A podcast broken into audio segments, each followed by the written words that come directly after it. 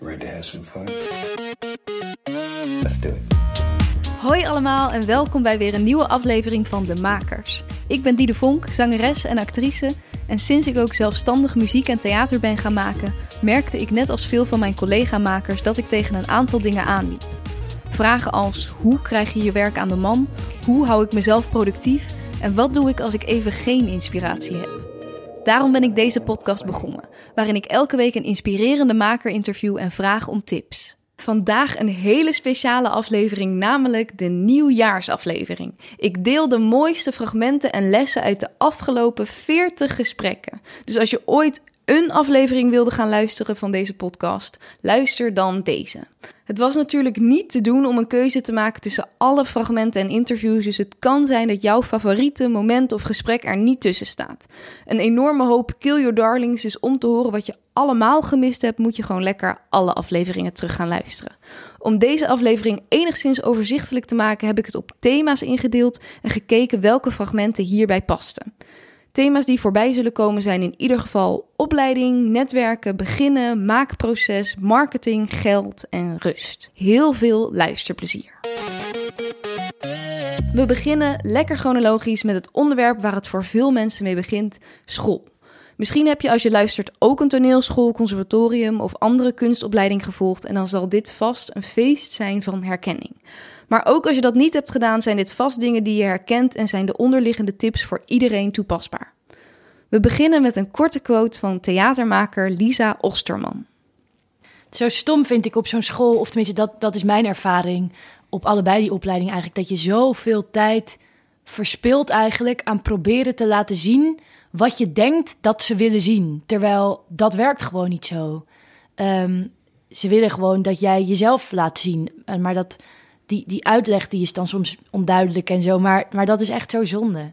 Dit herkende ik zelf heel erg. Altijd maar bezig zijn met andere mensen, docenten, te laten zien dat jij het kunt en wat je dan allemaal kan, in plaats van te doen en te maken wat jij wilt. Eruit te halen wat jij eruit wil halen. Je bent er niet voor je leraren, zij zijn er voor jou. Een goed voorbeeld hiervan is ook het fragment van multidisciplinair kunstenaar Daan Kauzijn. Ik geloof heel erg in dat je dingen het beste leert door ze zelf te ondervinden. En je kan zoveel lectures krijgen over hoe je je, je eigen bedrijfje opzet en wat er allemaal bij komt kijken. Maar, want dat hebben wij ook op Codarts wel gehad, zulke lessen. Maar ja, wat, weet, wat weten we? Nee. Dus dat werkt gewoon niet, denk ik. En ik denk dat het heel goed is als een opleiding of een instituut je heel erg ehm, ondersteunt in zoveel mogelijk buitenschoolse activiteiten te, op te zoeken en te accepteren ook. Ehm, en dat je dan gewoon met je vragen en, en, de, en de problematiek die je dan tegenkomt, dat je daarmee naar je docenten kan gaan en kan zeggen: hey, ik merk dit en dit en dit, hoe kan ik daar het beste mee omgaan? Um, en, en dat doe ik nu ook op school. En dan merk ik wel dat daar uh, dat, ik, dat ik geholpen kan worden. Omdat ja, al mijn docenten zijn natuurlijk ook mensen die in dat vak staan. Niet iedereen heeft een leuke schooltijd. Soms matcht het gewoon niet met wie jij bent als maker of artiest en op wat voor school je zit. Uh, Kirsten van Tijn vertelt over haar schoolperiode en hoe zij hier uitgekomen is. Ik heb wel heel vaak uh, elk jaar wel voor de keuze gestaan van uh, stop ik ermee of ga ik door. Het was voor mij niet... Uh, er waren een aantal in mijn klas die kregen de hele tijd kontjes van toe maar, toe maar. En bij mij was het de hele tijd, ben je nou aan het doen? En daardoor voelde ik juist de hele tijd, oké, okay, ik ga door. Weet je, ik werd er wel heel gretig van. Maar wel met heel veel verdriet. Als in dat je elke keer zo naar huis gaat. En, en beoordelingen krijgt dat je echt denkt, ik stop ermee. Maar juist wat ik zeg, door tegenwerking ben ik een soort van pitbull geworden. Ik heb niet zo'n leuke uh, schooltijd gehad. Maar achteraf denk ik, oh ja, als ze mij hadden gezegd: dit is goed, dan was ik niet verder gaan ontwikkelen of verder gaan zoeken. Of de hele tijd, ja, die, die kracht, daar sta ik wel mee op het podium. En het grappige is dat ik nog steeds dat voel van. van uh, nu, uh, nu zijn het de, de recensenten bijvoorbeeld. Ja. Toen was het mijn docent, nu zijn het de recensenten. Ja, jezelf tegenkomen op school is denk ik iets wat veel mensen herkennen. Uh, dat dat ook regisseur en performer Anna Luca da Silva, die ik sprak op de parade. Bij mij een heel, uh, heel heftig en belangrijk moment is geweest, was ik aan het repeteren aan een voorstelling. Waar ik zelf in stond overigens, dat, dat doe ik niet zoveel. Uh, en dan was ik ook ongelooflijk op slot. Om de hele tijd aan het klagen over wat ik aan het doen was. En deed een beetje zelfcensuur. En echt, echt in goed en slecht denken. En diegene die mij aan het regisseren uh, was, die werd ongelooflijk kwaad. En die zei, ja, dit is... Annaluca, dit is, dit, is je, dit is je ego. Dit is gewoon je ego die in de weg staat. Waardoor jij niet je talent verder kunt ontwikkelen en je werk kunt maken. Ja, schop dat, schop dat van je af. Hoe zeg je dat? Geleid het, laat het, gooi, het in de kliko. Gooi het nu in de kliko. Want uh, ja, ben je nou met je werk bezig of ben je met jezelf bezig? Zoek je naar zelfbevestiging of probeer je hier gewoon even iets anders te doen? Iets wat veel belangrijker is. Ja, stop, stop alle aandacht en energie en liefde en angsten en twijfels in je werk. En laat het niet over jezelf gaan of zo. Dus, en dat was heel heftig, maar, maar het was wel heel helder, werd ineens heel helder voor mij. Oh ja, dus elke keer als dat gebeurt bij mij, dan denk ik, wacht, oké, maar gaat het over mij of gaat het over het werk? En dan probeer ik gewoon mijn aandacht weer op, terug naar het werk. Jan Hulst gaat hier nog even op door en over waarom voor dit soort dingen na school geen tijd en plek meer is. Het is wel killing ook hoor, op zo'n toneelschool. De, de angst voor al die acteurs die denken ik krijg nooit een job. En al die regisseurs die denken ik, ik, ik ga niet eens iets... Ja, er zijn maar een paar plekjes waar je dan iets kan maken. En dat is, dat is wel een, een verneukeratieve sfeer die er hangt. Want mensen gaan er niet betere dingen van maken. Mensen worden fucking bang en ja. gaan toch, toch uh, proberen hitjes te scoren. Wat gewoon... Het is toch altijd gewoon probeer... Je moet niet een hit proberen te scoren. Gewoon, dan gaat het mis die school is een hele, het is toch een bubbel en zo, weet je wel, zo'n kunstenaar. En eh, het is op een manier stellen mensen heel schools op. Docenten die ook een, bijna een psychiater voor mensen worden en zo. En, en, en ze vragen heel veel van, van, van zo'n school. En, en, van uh, hoe, hoe, hoe moet ik me opstellen? Dit, Maar zodra je van school komt, ben je gewoon acteur en moet je gewoon deliveren. En, en gaat de regisseur niet meer vertellen niet meer met je onzekerheden bezig zijn. En fok dat. Gewoon, ik, ik betaal een acteur om gewoon een job te doen. Daarnaast wil ik graag vrienden worden in de kroeg gaan. Ik merk wel dat, dat het voor heel veel mensen die van dit, en ook al regisseurs schrikken is, dat er gewoon geen ruimte is meer voor onzekerheidsgesprekken. En dat je gewoon, als ze je vragen, moet je gewoon een topplan hebben en gewoon goed zijn. Ja, ook wel fijn als iemand gewoon even zegt waar het op staat, toch? Ik heb dit zelf niet echt zo ervaren bij mij op school dat mensen echt te veel bij de hand werden genomen, maar ik kan me zeker voorstellen dat dit gebeurt. En natuurlijk is het in een repetitieproces juist ook belangrijk om je kwetsbaarheid te laten zien en dingen waar je onzeker over bent.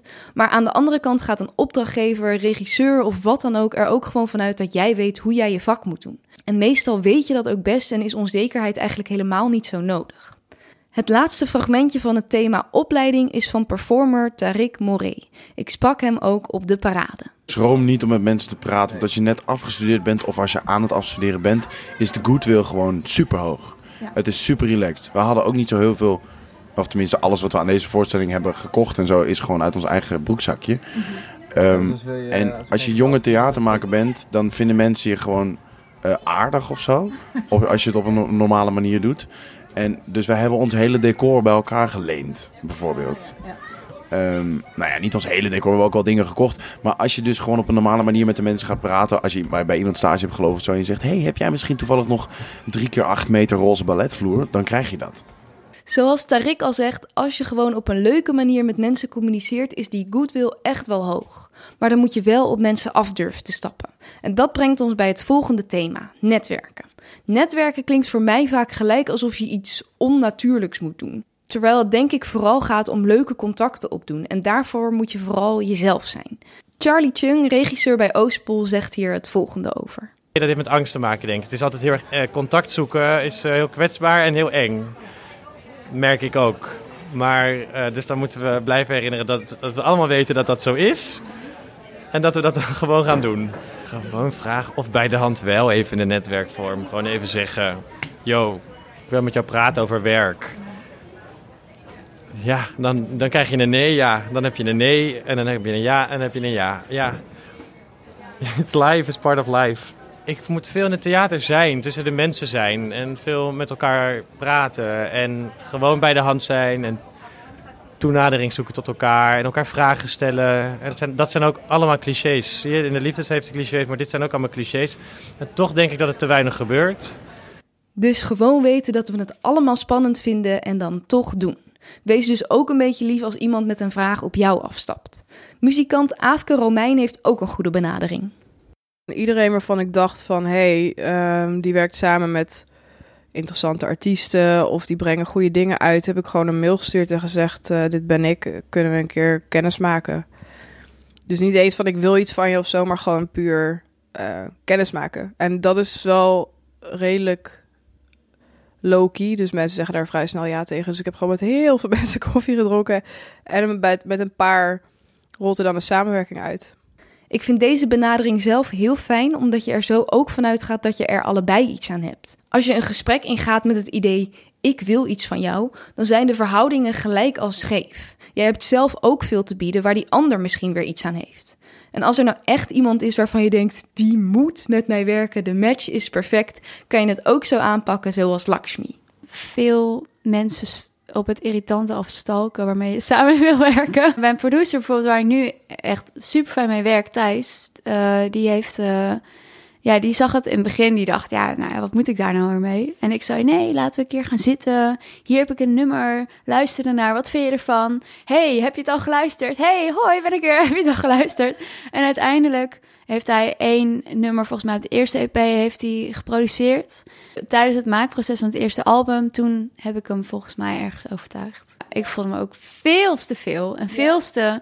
Maar je deed het wel. Ja, omdat ik dacht, jij bent, ik dacht, dit is zo'n goede match. Jij weet het alleen nog niet, maar dit is zo'n soort van psycho girlfriend. Heerlijk fragment vind ik dit. Zo zie je maar dat de aanhouder wint. Degene aan de andere kant van de tafel is ook gewoon een mens en het is natuurlijk ook heel vlijend als iemand je complimenten geeft. Doe dit natuurlijk niet als het niet bij je past, maar ik denk dat iemand als Lakshmi met haar enthousiasme en charme hier zeker mee wegkomt. Cabaretier Tom Lash, die ik sprak op de parade, beschrijft het belang van het hebben van een goed plan voordat je iemand om hulp vraagt. Ja, volgens mij gewoon moet je, moet je zorgen dat je echt een helder plan hebt. En dan mensen gaan aanschrijven die je daarmee kunnen helpen. Of theaters die je verder kunnen helpen. Of plekken die je verder kunnen helpen. Maar je moet gewoon. Ik heb, ik heb Ronald toen benaderd met een heel helder plan. Ik wil dit en dit maken op dat en dat festival. Uh, ik wil dat het er ongeveer zo en zo uit gaat zien. Ik heb hier en hier hulp mee nodig. Uh, ik wil jou daarvoor vragen. Want hier en hier en hierom. Ik denk dat je dat goed kan. Zou je dat leuk vinden? Dat, dat, dan heb je een heel heldere vraag. En dan krijg je veel vaker ja dan. Uh, op, dan, dan als je een soort algemeen ding, ik, oh, ik zou graag een keer bij jullie optreden of zo. Dat, dat, dat, want dan krijgen ze heel veel mails. Maar als je een theater echt schrijft van ik wil heel graag bij jullie spelen, het liefst in die periode, in die zaal. Uh, want ik heb een voorstelling, die past volgens mij heel goed bij jullie theater. Want jullie hebben een jonge doelgroep of een oude doelgroep. Of weet je, volgens mij pas ik in jullie programmering. Uh, dan kom je vaak veel verder. Dus zorg dat je er eerst zelf goed over nagedacht hebt en dat je dan een heel helder plan kan aanbieden. Oké, volgende thema is beginnen. Voor mij geeft het boek War of Art van Steven Pressfield heel mooi weer wat het grootste struikelblok van veel creatieve makers is: het beginnen. De weerstand, de angst, waarom we het niet doen en vooral ook hoe we het wel gaan doen. Muzikant en componist Camille Jansen legt dit mooi uit. Het allerbeste advies wat je, wat je echt gewoon kan krijgen is: begin gewoon. Uh, doe het gewoon. Uh, zelfs als je nog niet helemaal weet hoe, of zelfs als je nog niet helemaal weet wat, doe het. En dan zie je dat gaandeweg wel. Je, lost, je gaat sowieso problemen tegenkomen. Los dat gaandeweg op. En onthoud de gouden regel. Als je ergens energie in stopt, krijg je altijd iets terug. Je krijgt altijd iets terug. Ook al is het 10% van wat je erin gestopt hebt, of ook al is het 500% van wat je erin gestopt hebt. Maar je krijgt altijd iets terug. Dus het gaat nooit helemaal verloren. Mm -hmm. Dat helpt mij altijd heel erg. Als ik het gevoel heb dat ik tegen een windmolen aan het vechten ben. Ja. Dat er gewoon, je krijgt altijd iets terug.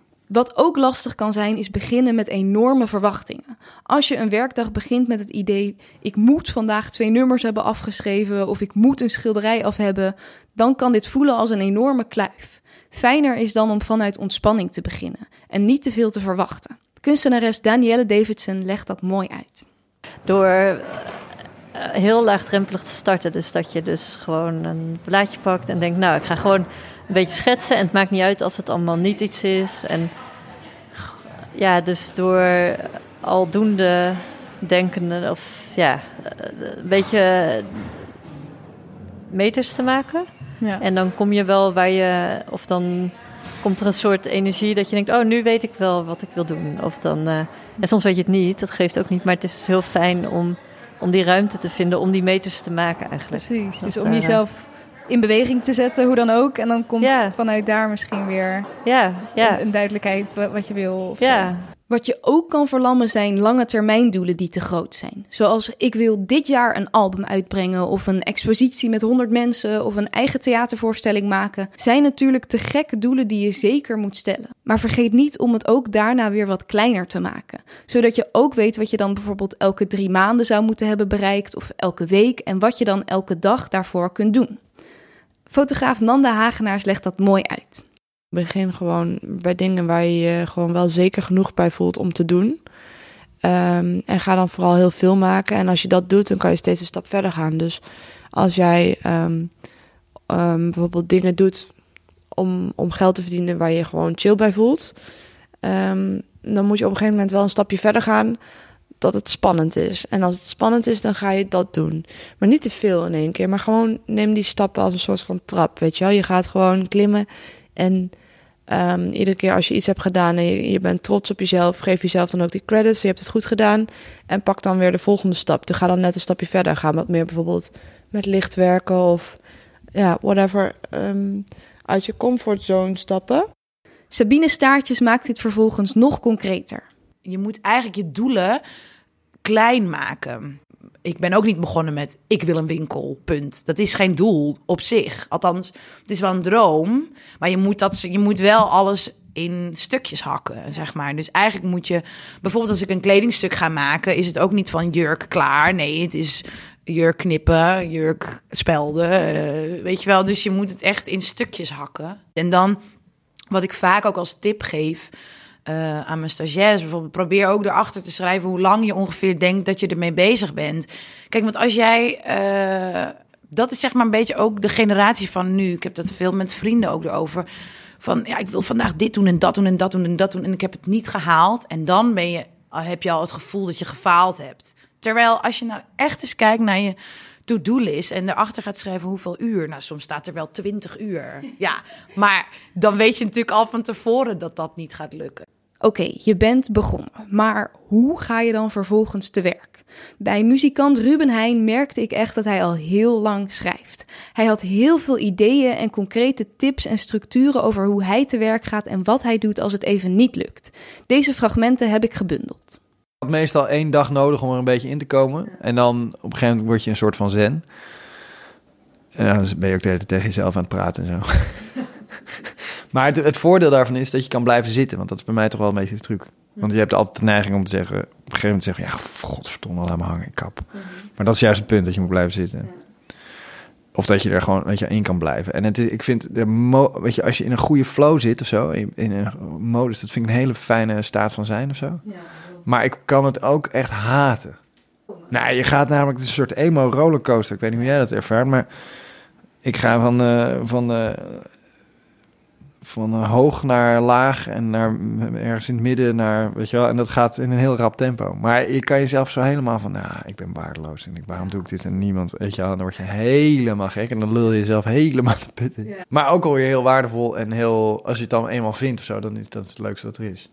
En je voelt altijd wel van dat er ergens een dipje zit of zo, weet je, of dat er ergens iets minder sterk is. En je hebt de neiging om daar dan een beetje overheen te luisteren. Van ja, nou ja, goed, ja, dit is misschien maar hè, het liedje is in principe af. Nee, je moet juist die plekken moet je aanpakken. Weet je, en dat is misschien nog wel het moeilijkste, dat je dus moet blijven, kritisch moet blijven luisteren. En naar dat wel naar het stemmetje moet luisteren.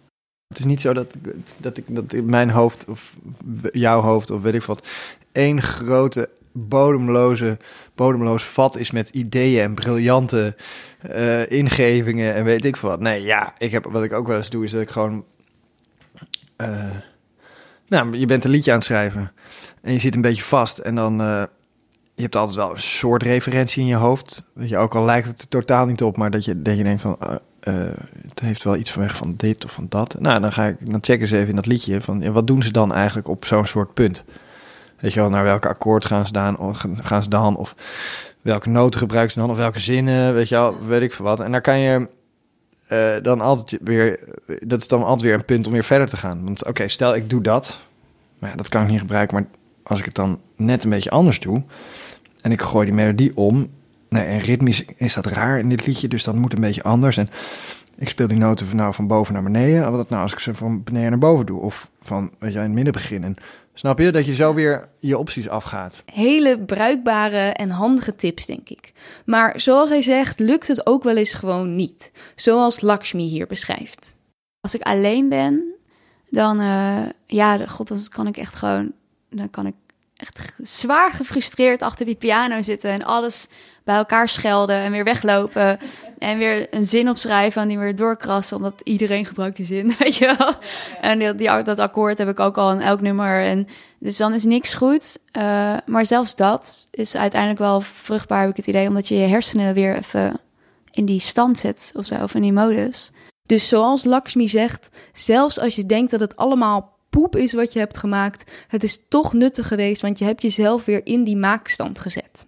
Aafke Romein heeft nog een praktische tip voor het bundelen van je ideeën. Ik verzamel ideeën, dus gewoon mappen met ideeën. Want ik heb heel vaak ideeën op momenten dat ik niet iets aan het doen ben. Bijvoorbeeld s'avonds of, of onderweg of nou ja, noem maar op. Ik schrijf altijd alles op, zowel muziek als tekst.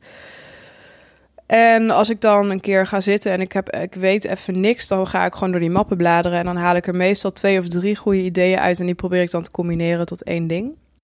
Dit hoeft natuurlijk niet een letterlijke map te zijn, maar kan ook je notities op je telefoon zijn, een pagina in je agenda of wat dan ook werkt voor jou. Een onderwerp waar ik het ook vaak over heb met mijn gasten is structuur. Als ZZP'er is het best wel lastig om je eigen structuur in te bouwen. Illustrator en grafisch journalist Michelle de Gel begint daarom haar week altijd goed met deze oefening. Ik heb nu ook bedacht dat ik elke maandag dan uh, één of twee uur ga brainstormen en gewoon al mijn ideeën op papier smijt eigenlijk, gewoon echt opschrijf. Uh, een soort van ja, woordweb of, of alleen maar uh, termen die ik interessant vind of, of, of ja, dingen die ik voor me zie in beeld. Uh, zodat ik het in ieder geval en op papier heb. En ook meteen zie van, oh ja, maar als ik het eenmaal opschrijf, vind ik het eigenlijk helemaal niet meer zo interessant. Want dat kan ook nog, dat het in je, in je hoofd een heel ding is. Ja. En dan, zodra je het moet gaan uh, waarmaken of visualiseren, dat je denkt van, oh, maar misschien werkt het helemaal niet. En misschien vind ik het helemaal niet zo leuk als ik denk dat ik het vind. En het is ook, ik vind het ook wel een soort van fijne maandagbesteding, omdat het, het is, ik vind het heel leuk om te doen. Ik ben echt een soort van, ik, ik, ik borrel dan helemaal over van de ideeën en denk, oh, dit kan, oh, dat is een mooi woord of zo, daar wil ik wat mee, of, of een kleur, of nou, whatever. Um, dus als ik dat mag doen op de maandag en daarmee kan beginnen, is dat een heel, hele fijne opwarmer voor wat ik voor de rest nog moet doen. Hele toffe tip. Ook hoor je vaak dat in de ochtend je hersenen het meest productief zijn. Zeker als je je mailbox nog even ongeopend laat, hoor je vaak dat een paar uurtjes creatief werk in de ochtend heel goed werken. Lisa Osterman heeft daar ook een vast ritme voor zichzelf in aangebracht. Wat een beetje het punt is, vind ik, met zo theatermaker en ZZP'er zijn en zoiets, is dat je altijd wel iets kan doen. Dus het is, ik had vooral vorig jaar best wel veel moeite met dat je dan ook weekend moest nemen en zo. Ja. Um, maar dat is volgens mij echt belangrijk. En een beetje structuur helpt ook wel. Ik probeer elke dag te schrijven. Um, nu de afgelopen tijd twee uur. Maar ik wil daar best wel graag mee doorgaan na het AKF. Maar dan iets minder misschien. Maar dat deed ik dan altijd ochtends meteen. En dat scheelt voor mij heel erg. Dat er, want er is natuurlijk helemaal nul ritme. En niemand die ooit zegt wat je moet doen. En mij helpt het echt om dat dan zelf een beetje te bouwen. Kijk, je kan gewoon niet de hele dag creatief schrijven. Dat past gewoon in ieder geval niet in mijn hoofd. Maar chillen aan twee uur dus afspreken, is dat, dat is dan ook afgelopen, die twee uur. En dan, ja. dan kun je, dan lukt het ook beter, vond ik, om een beetje aardig te zijn. Dat je dan daarna ook een beetje mag uh, lopen door de stad of zo. Ja, het gekke met die creatieve dingen is dat ook heel vaak het idee dan komt als je dus iets anders aan het doen bent. Mm -hmm. Wat volgens mij niet wegneemt dat je dus ook gewoon moet gaan zitten en moet gaan werken. Want je kan gewoon niet wachten op het idee. Dat, maar je moet dus ook ooit wel de ruimte hebben dat je dus wel met iets anders bezig bent. Want dan komen wel meestal nog de ideeën. Ja, het is, ik ben het allemaal ook nog aan het leren. Het blijft natuurlijk lastig als creatieve maker. Soms is je energie niet aanwezig voor het maken, maar wel voor iets financieels of andersom. Theatermaker Rickert van Huissteden legt dat nog mooi uit in deze fragmenten. Dus dat ZZP-leven betekent, daarbij moet je ook best goed zijn in, in lief zijn voor jezelf. Of niet soort van te hoog de druk op jezelf leggen van ik moet nu dit en ik moet nu dat. Want ja, bijvoorbeeld de dag dat ik een voorstelling speel, ben ik vaak een soort van zombie. Of dan ben ik zo chagrijnig, of ik weet dan niet precies, voel ik me zo kwetsbaar. Uh, En dan kan ik dus niet die dag een soort zakelijk telefoontje over een eh, financiële afhandeling doen. Terwijl dat wel lijkt alsof dat kan, want die tijd is er gewoon. Het is gewoon een lege tijdslot. Ehm, dus die balans is wel, heb ik wel echt moeten leren om, om, om dan ja, een soort van mijn artistieke persoon niet in te zetten op een zakelijk ding, of op een zakelijk moment. Je mag het dus ook op een soort lange termijn zien, volgens mij. Van, oh, nu ben ik een tijdje niks aan het doen. Een maand of zo heb ik gewoon niks interessants geschreven of zo. Maar op een soort lange termijn is dat best wel oké. Dus, dus, dus je hebt zo per dag een soort van indeling, maar ook op, in een soort van jaarindeling of zo. Soms zit ik gewoon iets meer dingen te plannen en dan zit ik weer iets meer dingen te schrijven. Maar weet je wat je dus nodig hebt? Ook zo in dit vak, denk ik, heb je echt nodig dat er zo mensen om je heen zijn. Vrienden, uh, liefdesmensen, familieleden. Die, die jou leuk vinden. Niet om of je voorstelling goed is. Ja, dat is echt belangrijk. ja. Dat is zo belangrijk. Die dus als je dan hebt gespeeld en denkt van het was niet goed of dit was niet leuk of zo, die dan zegt van oké, maar jij bent wel leuk, laten we iets leuks gaan doen. Of weet je, dat, dat, dat je ook nog iets anders hebt waar je, waar je waardering of je zelfliefde uit kan halen. Want het gaat heel snel zo allemaal uit het publiek komen. Terwijl dat is niet gezond. Je moet ook eh, eh, liefde ontvangen vanuit een soort van onvoorwaardelijke mensen. Ik had het zelf niet mooier kunnen zeggen. Door naar het volgende onderwerp: marketing. Componist Camille Jansen verkocht zijn voorstelling Mohammed al aan meer dan 15 theaters terwijl er nog maar één minuut muziek op papier stond. Hoe hij dit deed hoor je in de volgende twee fragmenten. Dus toen hebben wij een promotiefilmpje geschoten ik, eh, met één minuut muziek eronder. Dat was mijn, mijn minuutje muziek. En gewoon eh, op basis daarvan alle programmeurs van Nederland benaderd die voor ons relevant zijn. En gewoon gezegd, nou, dat is een show van 70 minuten. Uh, en toen die show 15 keer verkocht. In het Bimmenhuis, en Tivoli Vredeburg en de Doelen en het Paradox en al die grote zalen. Maar die muziek was helemaal niet af. Want er, was, er stond helemaal niks op papier. Ik had helemaal niks. Nee, dat was echt gewoon, ik had jack shit. En dat, toen, dat, was, uh, dat was november 2017. En zo rond januari werd duidelijk van... ja, jongens, jullie gaan echt een heel, heel groot seizoen draaien. 15 concerten is best wel veel voor een jazzband. Ja. En uh, de eerste is er op, op 6 juni. En het is nu begin februari. Dus je hebt zeg maar 4,5 maand. Ja. En uh, dat, dat was... dat doe ik echt nooit meer. Maar dat, dat was heel heftig. Ja, hij zegt zelf: ik zou het niet per se aanraden, maar ik denk dat deze methode wel ook heel slim is, omdat je ook gelijk toetst of er wel vraag is naar dat wat jij maakt. En bij hem was dat er dus gelijk. Dus soms als maker ben je een beetje in het wilde weg aan het maken en hoop je dat er daarna mensen geïnteresseerd zijn. En op deze manier weet je dat eigenlijk meteen. In het volgende fragment legt hij uit hoe hij de pers aanpakte. We hebben een release staan, of een première staan, dat is dan de officiële in september in het BIM-huis. Hoe ga ik daar nou heel veel media momentum mee krijgen. En toen heb ik al die redacties benaderd van al die tv-programma's die voor ons relevant zijn, alle radioprogramma's die voor ons relevant zijn, alle grote kranten benaderd. En um, al voor die eerste. Ja, dit, dit was allemaal zeg maar. Ik begon vanaf zeg maar maart, april met iedereen daarmee lastig te vallen. Ja. Uh, en ben dan ook dan wel vrij bijterig in. Dus dan mail ik ook wel echt zo gerust 20 keer in een periode van 30 weken of zo. Ik mail dan wel gewoon echt iedere week. Ja, ik, ik, ja, ik wil ook wel. Keer van, heb je er al naar kunnen kijken? Ja. ja. En dan bel je een paar keer en zo. En op een gegeven moment, ja, dan gaan er dingetjes gebeuren. Kunstenares Mignon Nusteling pakt haar branding aan door radicaal zichzelf te zijn. Hoe en waarom ze dat doet, vertelt ze in het volgende fragment. Ik post best wel soms dingen waar, waarvan mensen zouden zeggen... nou, als je nog wilt solliciteren is dat niet zo handig. um, maar ik ben daar niet mee bezig, nee. nee. nee. ik vind het belangrijker en ik ben natuurlijk ook gewoon artiest... Uh, dus ik doe soms dingen waar mensen zich misschien op de een of andere manier uh, door, weet ik veel, aangestoten voelen of wat dan ook. Dat hoort erbij. Maar dat zou nooit gaan over. ik, ik, ik uit me nooit per se politiek over welke kleur ik stem. Of ik uit me nooit over. Um, negatief over mensen. Dat vind ik allemaal veel belangrijker dan of ik een half naaktfoto post. Ik vind het ja. belangrijker dat je ethisch en moralistisch een goed persoon bent dan of je bikinifoto's online hebt staan. Maar dat is ja. mijn dat is mijn uh, moreel. Dus uh, elke opdrachtgever die daarop wil aanhaken, die past ook bij mij. En iemand die zegt, ja sorry, maar er staat een foto van jou op je, in je bikini met een vuilniszak online. ik wil niet met je werken. Oké, okay, even goede vrienden, dan ja. passen we waarschijnlijk ook niet bij elkaar.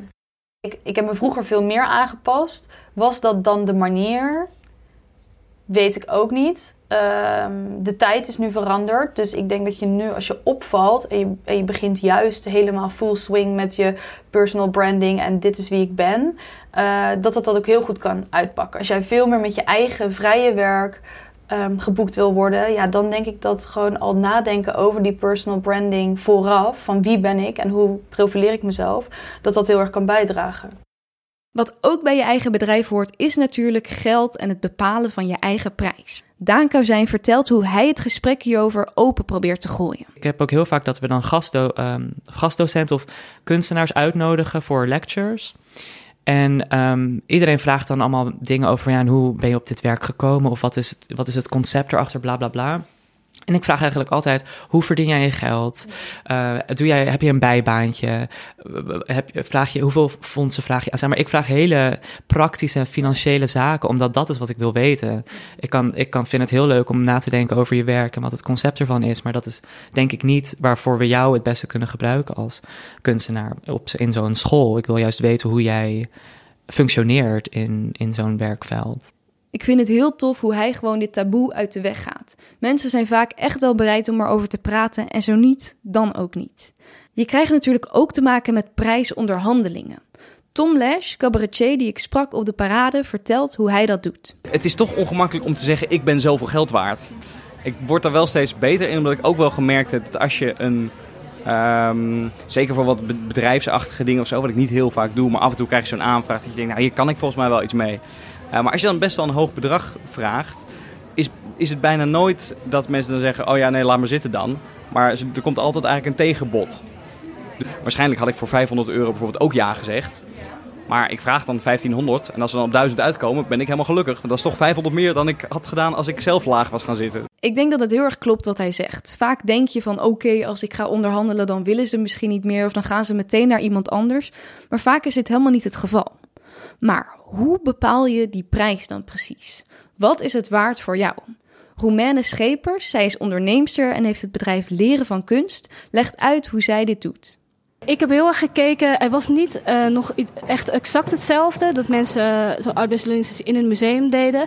Ik heb wel gekeken van. ehm, eh, er was één iemand die deed wel iets anders. Maar wel ook met mindset. En met, eh, eh, vooral met die rust pakken. Ik heb dat een beetje als soort leidraad genomen. En ook wel. Ja, klinkt niet heel professioneel, maar gewoon ook echt op intuïtie dan gedaan van... oh ja, nu vind ik het dit waard. ehm, Ja. en, en een paar maanden later veranderde ik het omdat ik dacht... oh ja, maar ik ben, het is eigenlijk dit waard. Want iemand heeft heel veel waardevolle Ja. eh, eh, iets meegekregen. En jij bent alweer wat verder. Ja, ja. dus ik, ik ook wel gewoon van, voelt het goed? En natuurlijk, er zijn twee kanten. Je, je, je krijgt mensen die tegen je zeggen... oh, je moet veel meer vragen. En er zijn mensen ook, vind het veel te duur. Maar zolang je zelf het ook ehm, ja, daadwerkelijk tegen iemand kan zeggen... vol overgave en niet denkt... oh, ik vraag nu dit en eigenlijk eh, ja, weet ik het ook niet... dan, ja, dat, dat merken mensen ook of zo. Dus dicht bij jezelf blijven. Ja, dat is ook wat zo'n cliché zin. Nee, maar maar toch, ik goed, vind dat ja. het prettigste. En, en ik heb ook nu echt voor het eerst gevoel dat ik echt helemaal mezelf kan zijn. En ehm, niet meer per se een rol moet spelen als apotheker. Ik ben echt mezelf, ook als Roemene. Als mensen me in het museum meemaken, dan ben ik dat. En dat voelt heel prettig. Dus ook met zulke dingen als prijs bepalen. Dat doe, ja, als je het vanuit jezelf doet, dan eh, komt het wel goed. En je mag altijd zelf switchen. Jij bent, eh, jij bent de baas. Ik vind dat echt een hele mooie. Mensen gaan toch altijd er iets van vinden, te veel vinden of te weinig. Maar zo ben je in ieder geval trouw aan jezelf. Dan zijn we alweer bij het allerlaatste thema. Een thema waar ik me de aankomende tijd veel mee bezig wil gaan houden. Rust. Ik heb namelijk gemerkt dat ik het best wel lastig vind om op tijd rust in te bouwen. Vaak heb ik te laat door dat ik mezelf te vol heb gepland en hou ik te weinig ruimte over om zelf daadwerkelijk ook creatief te maken. En voor spontane kansen die last minute voorbij komen. Cabaretier Pepijn Schoneveld en muzikant Lakshmi hebben hier nog wat mooie woorden over. Doe rustig aan. Ja. Het hoeft niet snel en het hoeft niet eh, meteen en het hoeft niet nu. En je moet, je, je moet eigenlijk eh, jezelf fit houden, zodat als de trein langskomt, dat je er dan op kan springen. Dus wij hebben natuurlijk instant eh, gratification de hele tijd. Dus wij denken dat het bij alles geldt. Terwijl bij een voorstelling maken of bij goed worden of een ambacht of, of goed worden in iets, kost gewoon heel veel tijd. Ik sprak laatst iemand die zei, ah, stand-up, ja, dat wil ik misschien ook wel eens gaan doen. Lijkt me ook wel eens leuk. Hou je bek dicht. Het kost heel veel tijd, heel veel moeite. Lijkt me ook eens leuk om te gaan doen. Flikker op. De meeste artiesten in Nederland, die breken pas op hun dertigste door. Rond hun dertigste. Dat wil zeggen over 30, dus 30 plus. Dat was voor mij een soort van rampscenario, want ik voelde me al oud toen ik acht was. Dus dat, was, dat is voor mij nog steeds een rampscenario, want ik ben daar nog lang niet. En, en ik ben nog lang niet in de hele, oh, uitverkochte tour, uitverkocht dit. Oh, kijk, mij gaan helemaal niet. Voor mijn gevoel zelfs verre van. En ik vind het dan, als ik dan even reflecteer hoe snel het allemaal is gegaan, is dat ook wel eens goed. Ehm, dus mijn advies is: heb alsjeblieft geen haast. Ga niet domme dingen doen alleen maar omdat je out there wil zijn. Ga niet dingen doen waar je, waar je niet achter staat. Breng geen muziek uit waarvan je denkt: mm, oké, want het blijft voor eeuwig bestaan. Eh, en eh, heb gewoon dat het uit mijn mond komt. Heb geduld. Ik zit in de sportschool met veel oude mensen en die vraag ik ook altijd, dan zeg ik ook altijd, wordt het rustiger? Wanneer wordt het rustiger? Wordt het op een gegeven moment rustiger? En dan zeggen zij, ja, het wordt op een gegeven moment rustiger, ja. En ga nu maar weer je sit-ups doen. We eindigen met een mooi fragment van kunstenares Raquel van Haver over het kijken naar kunst en waarom we dat lekker allemaal meer moeten doen. Al is het maar geen musea, al zijn het kleine kunstinitiatieven, weet je, of huiskamerconcerten of dergelijke, maar support gewoon mensen. Want het, het is gewoon een totaal andere manier ook voor, voor degene die de bezoeker. Je ontspant, je traint eigenlijk andere zintuigen. Uh, ook met schilderen, je bent totaal met een andere soort taal bezig. Dus het is goed om dat allemaal te ontwikkelen. Hier ben ik het natuurlijk helemaal mee eens en ik denk dat het kijken naar andere makers ook een belangrijk onderdeel is van mijn eigen makerschap.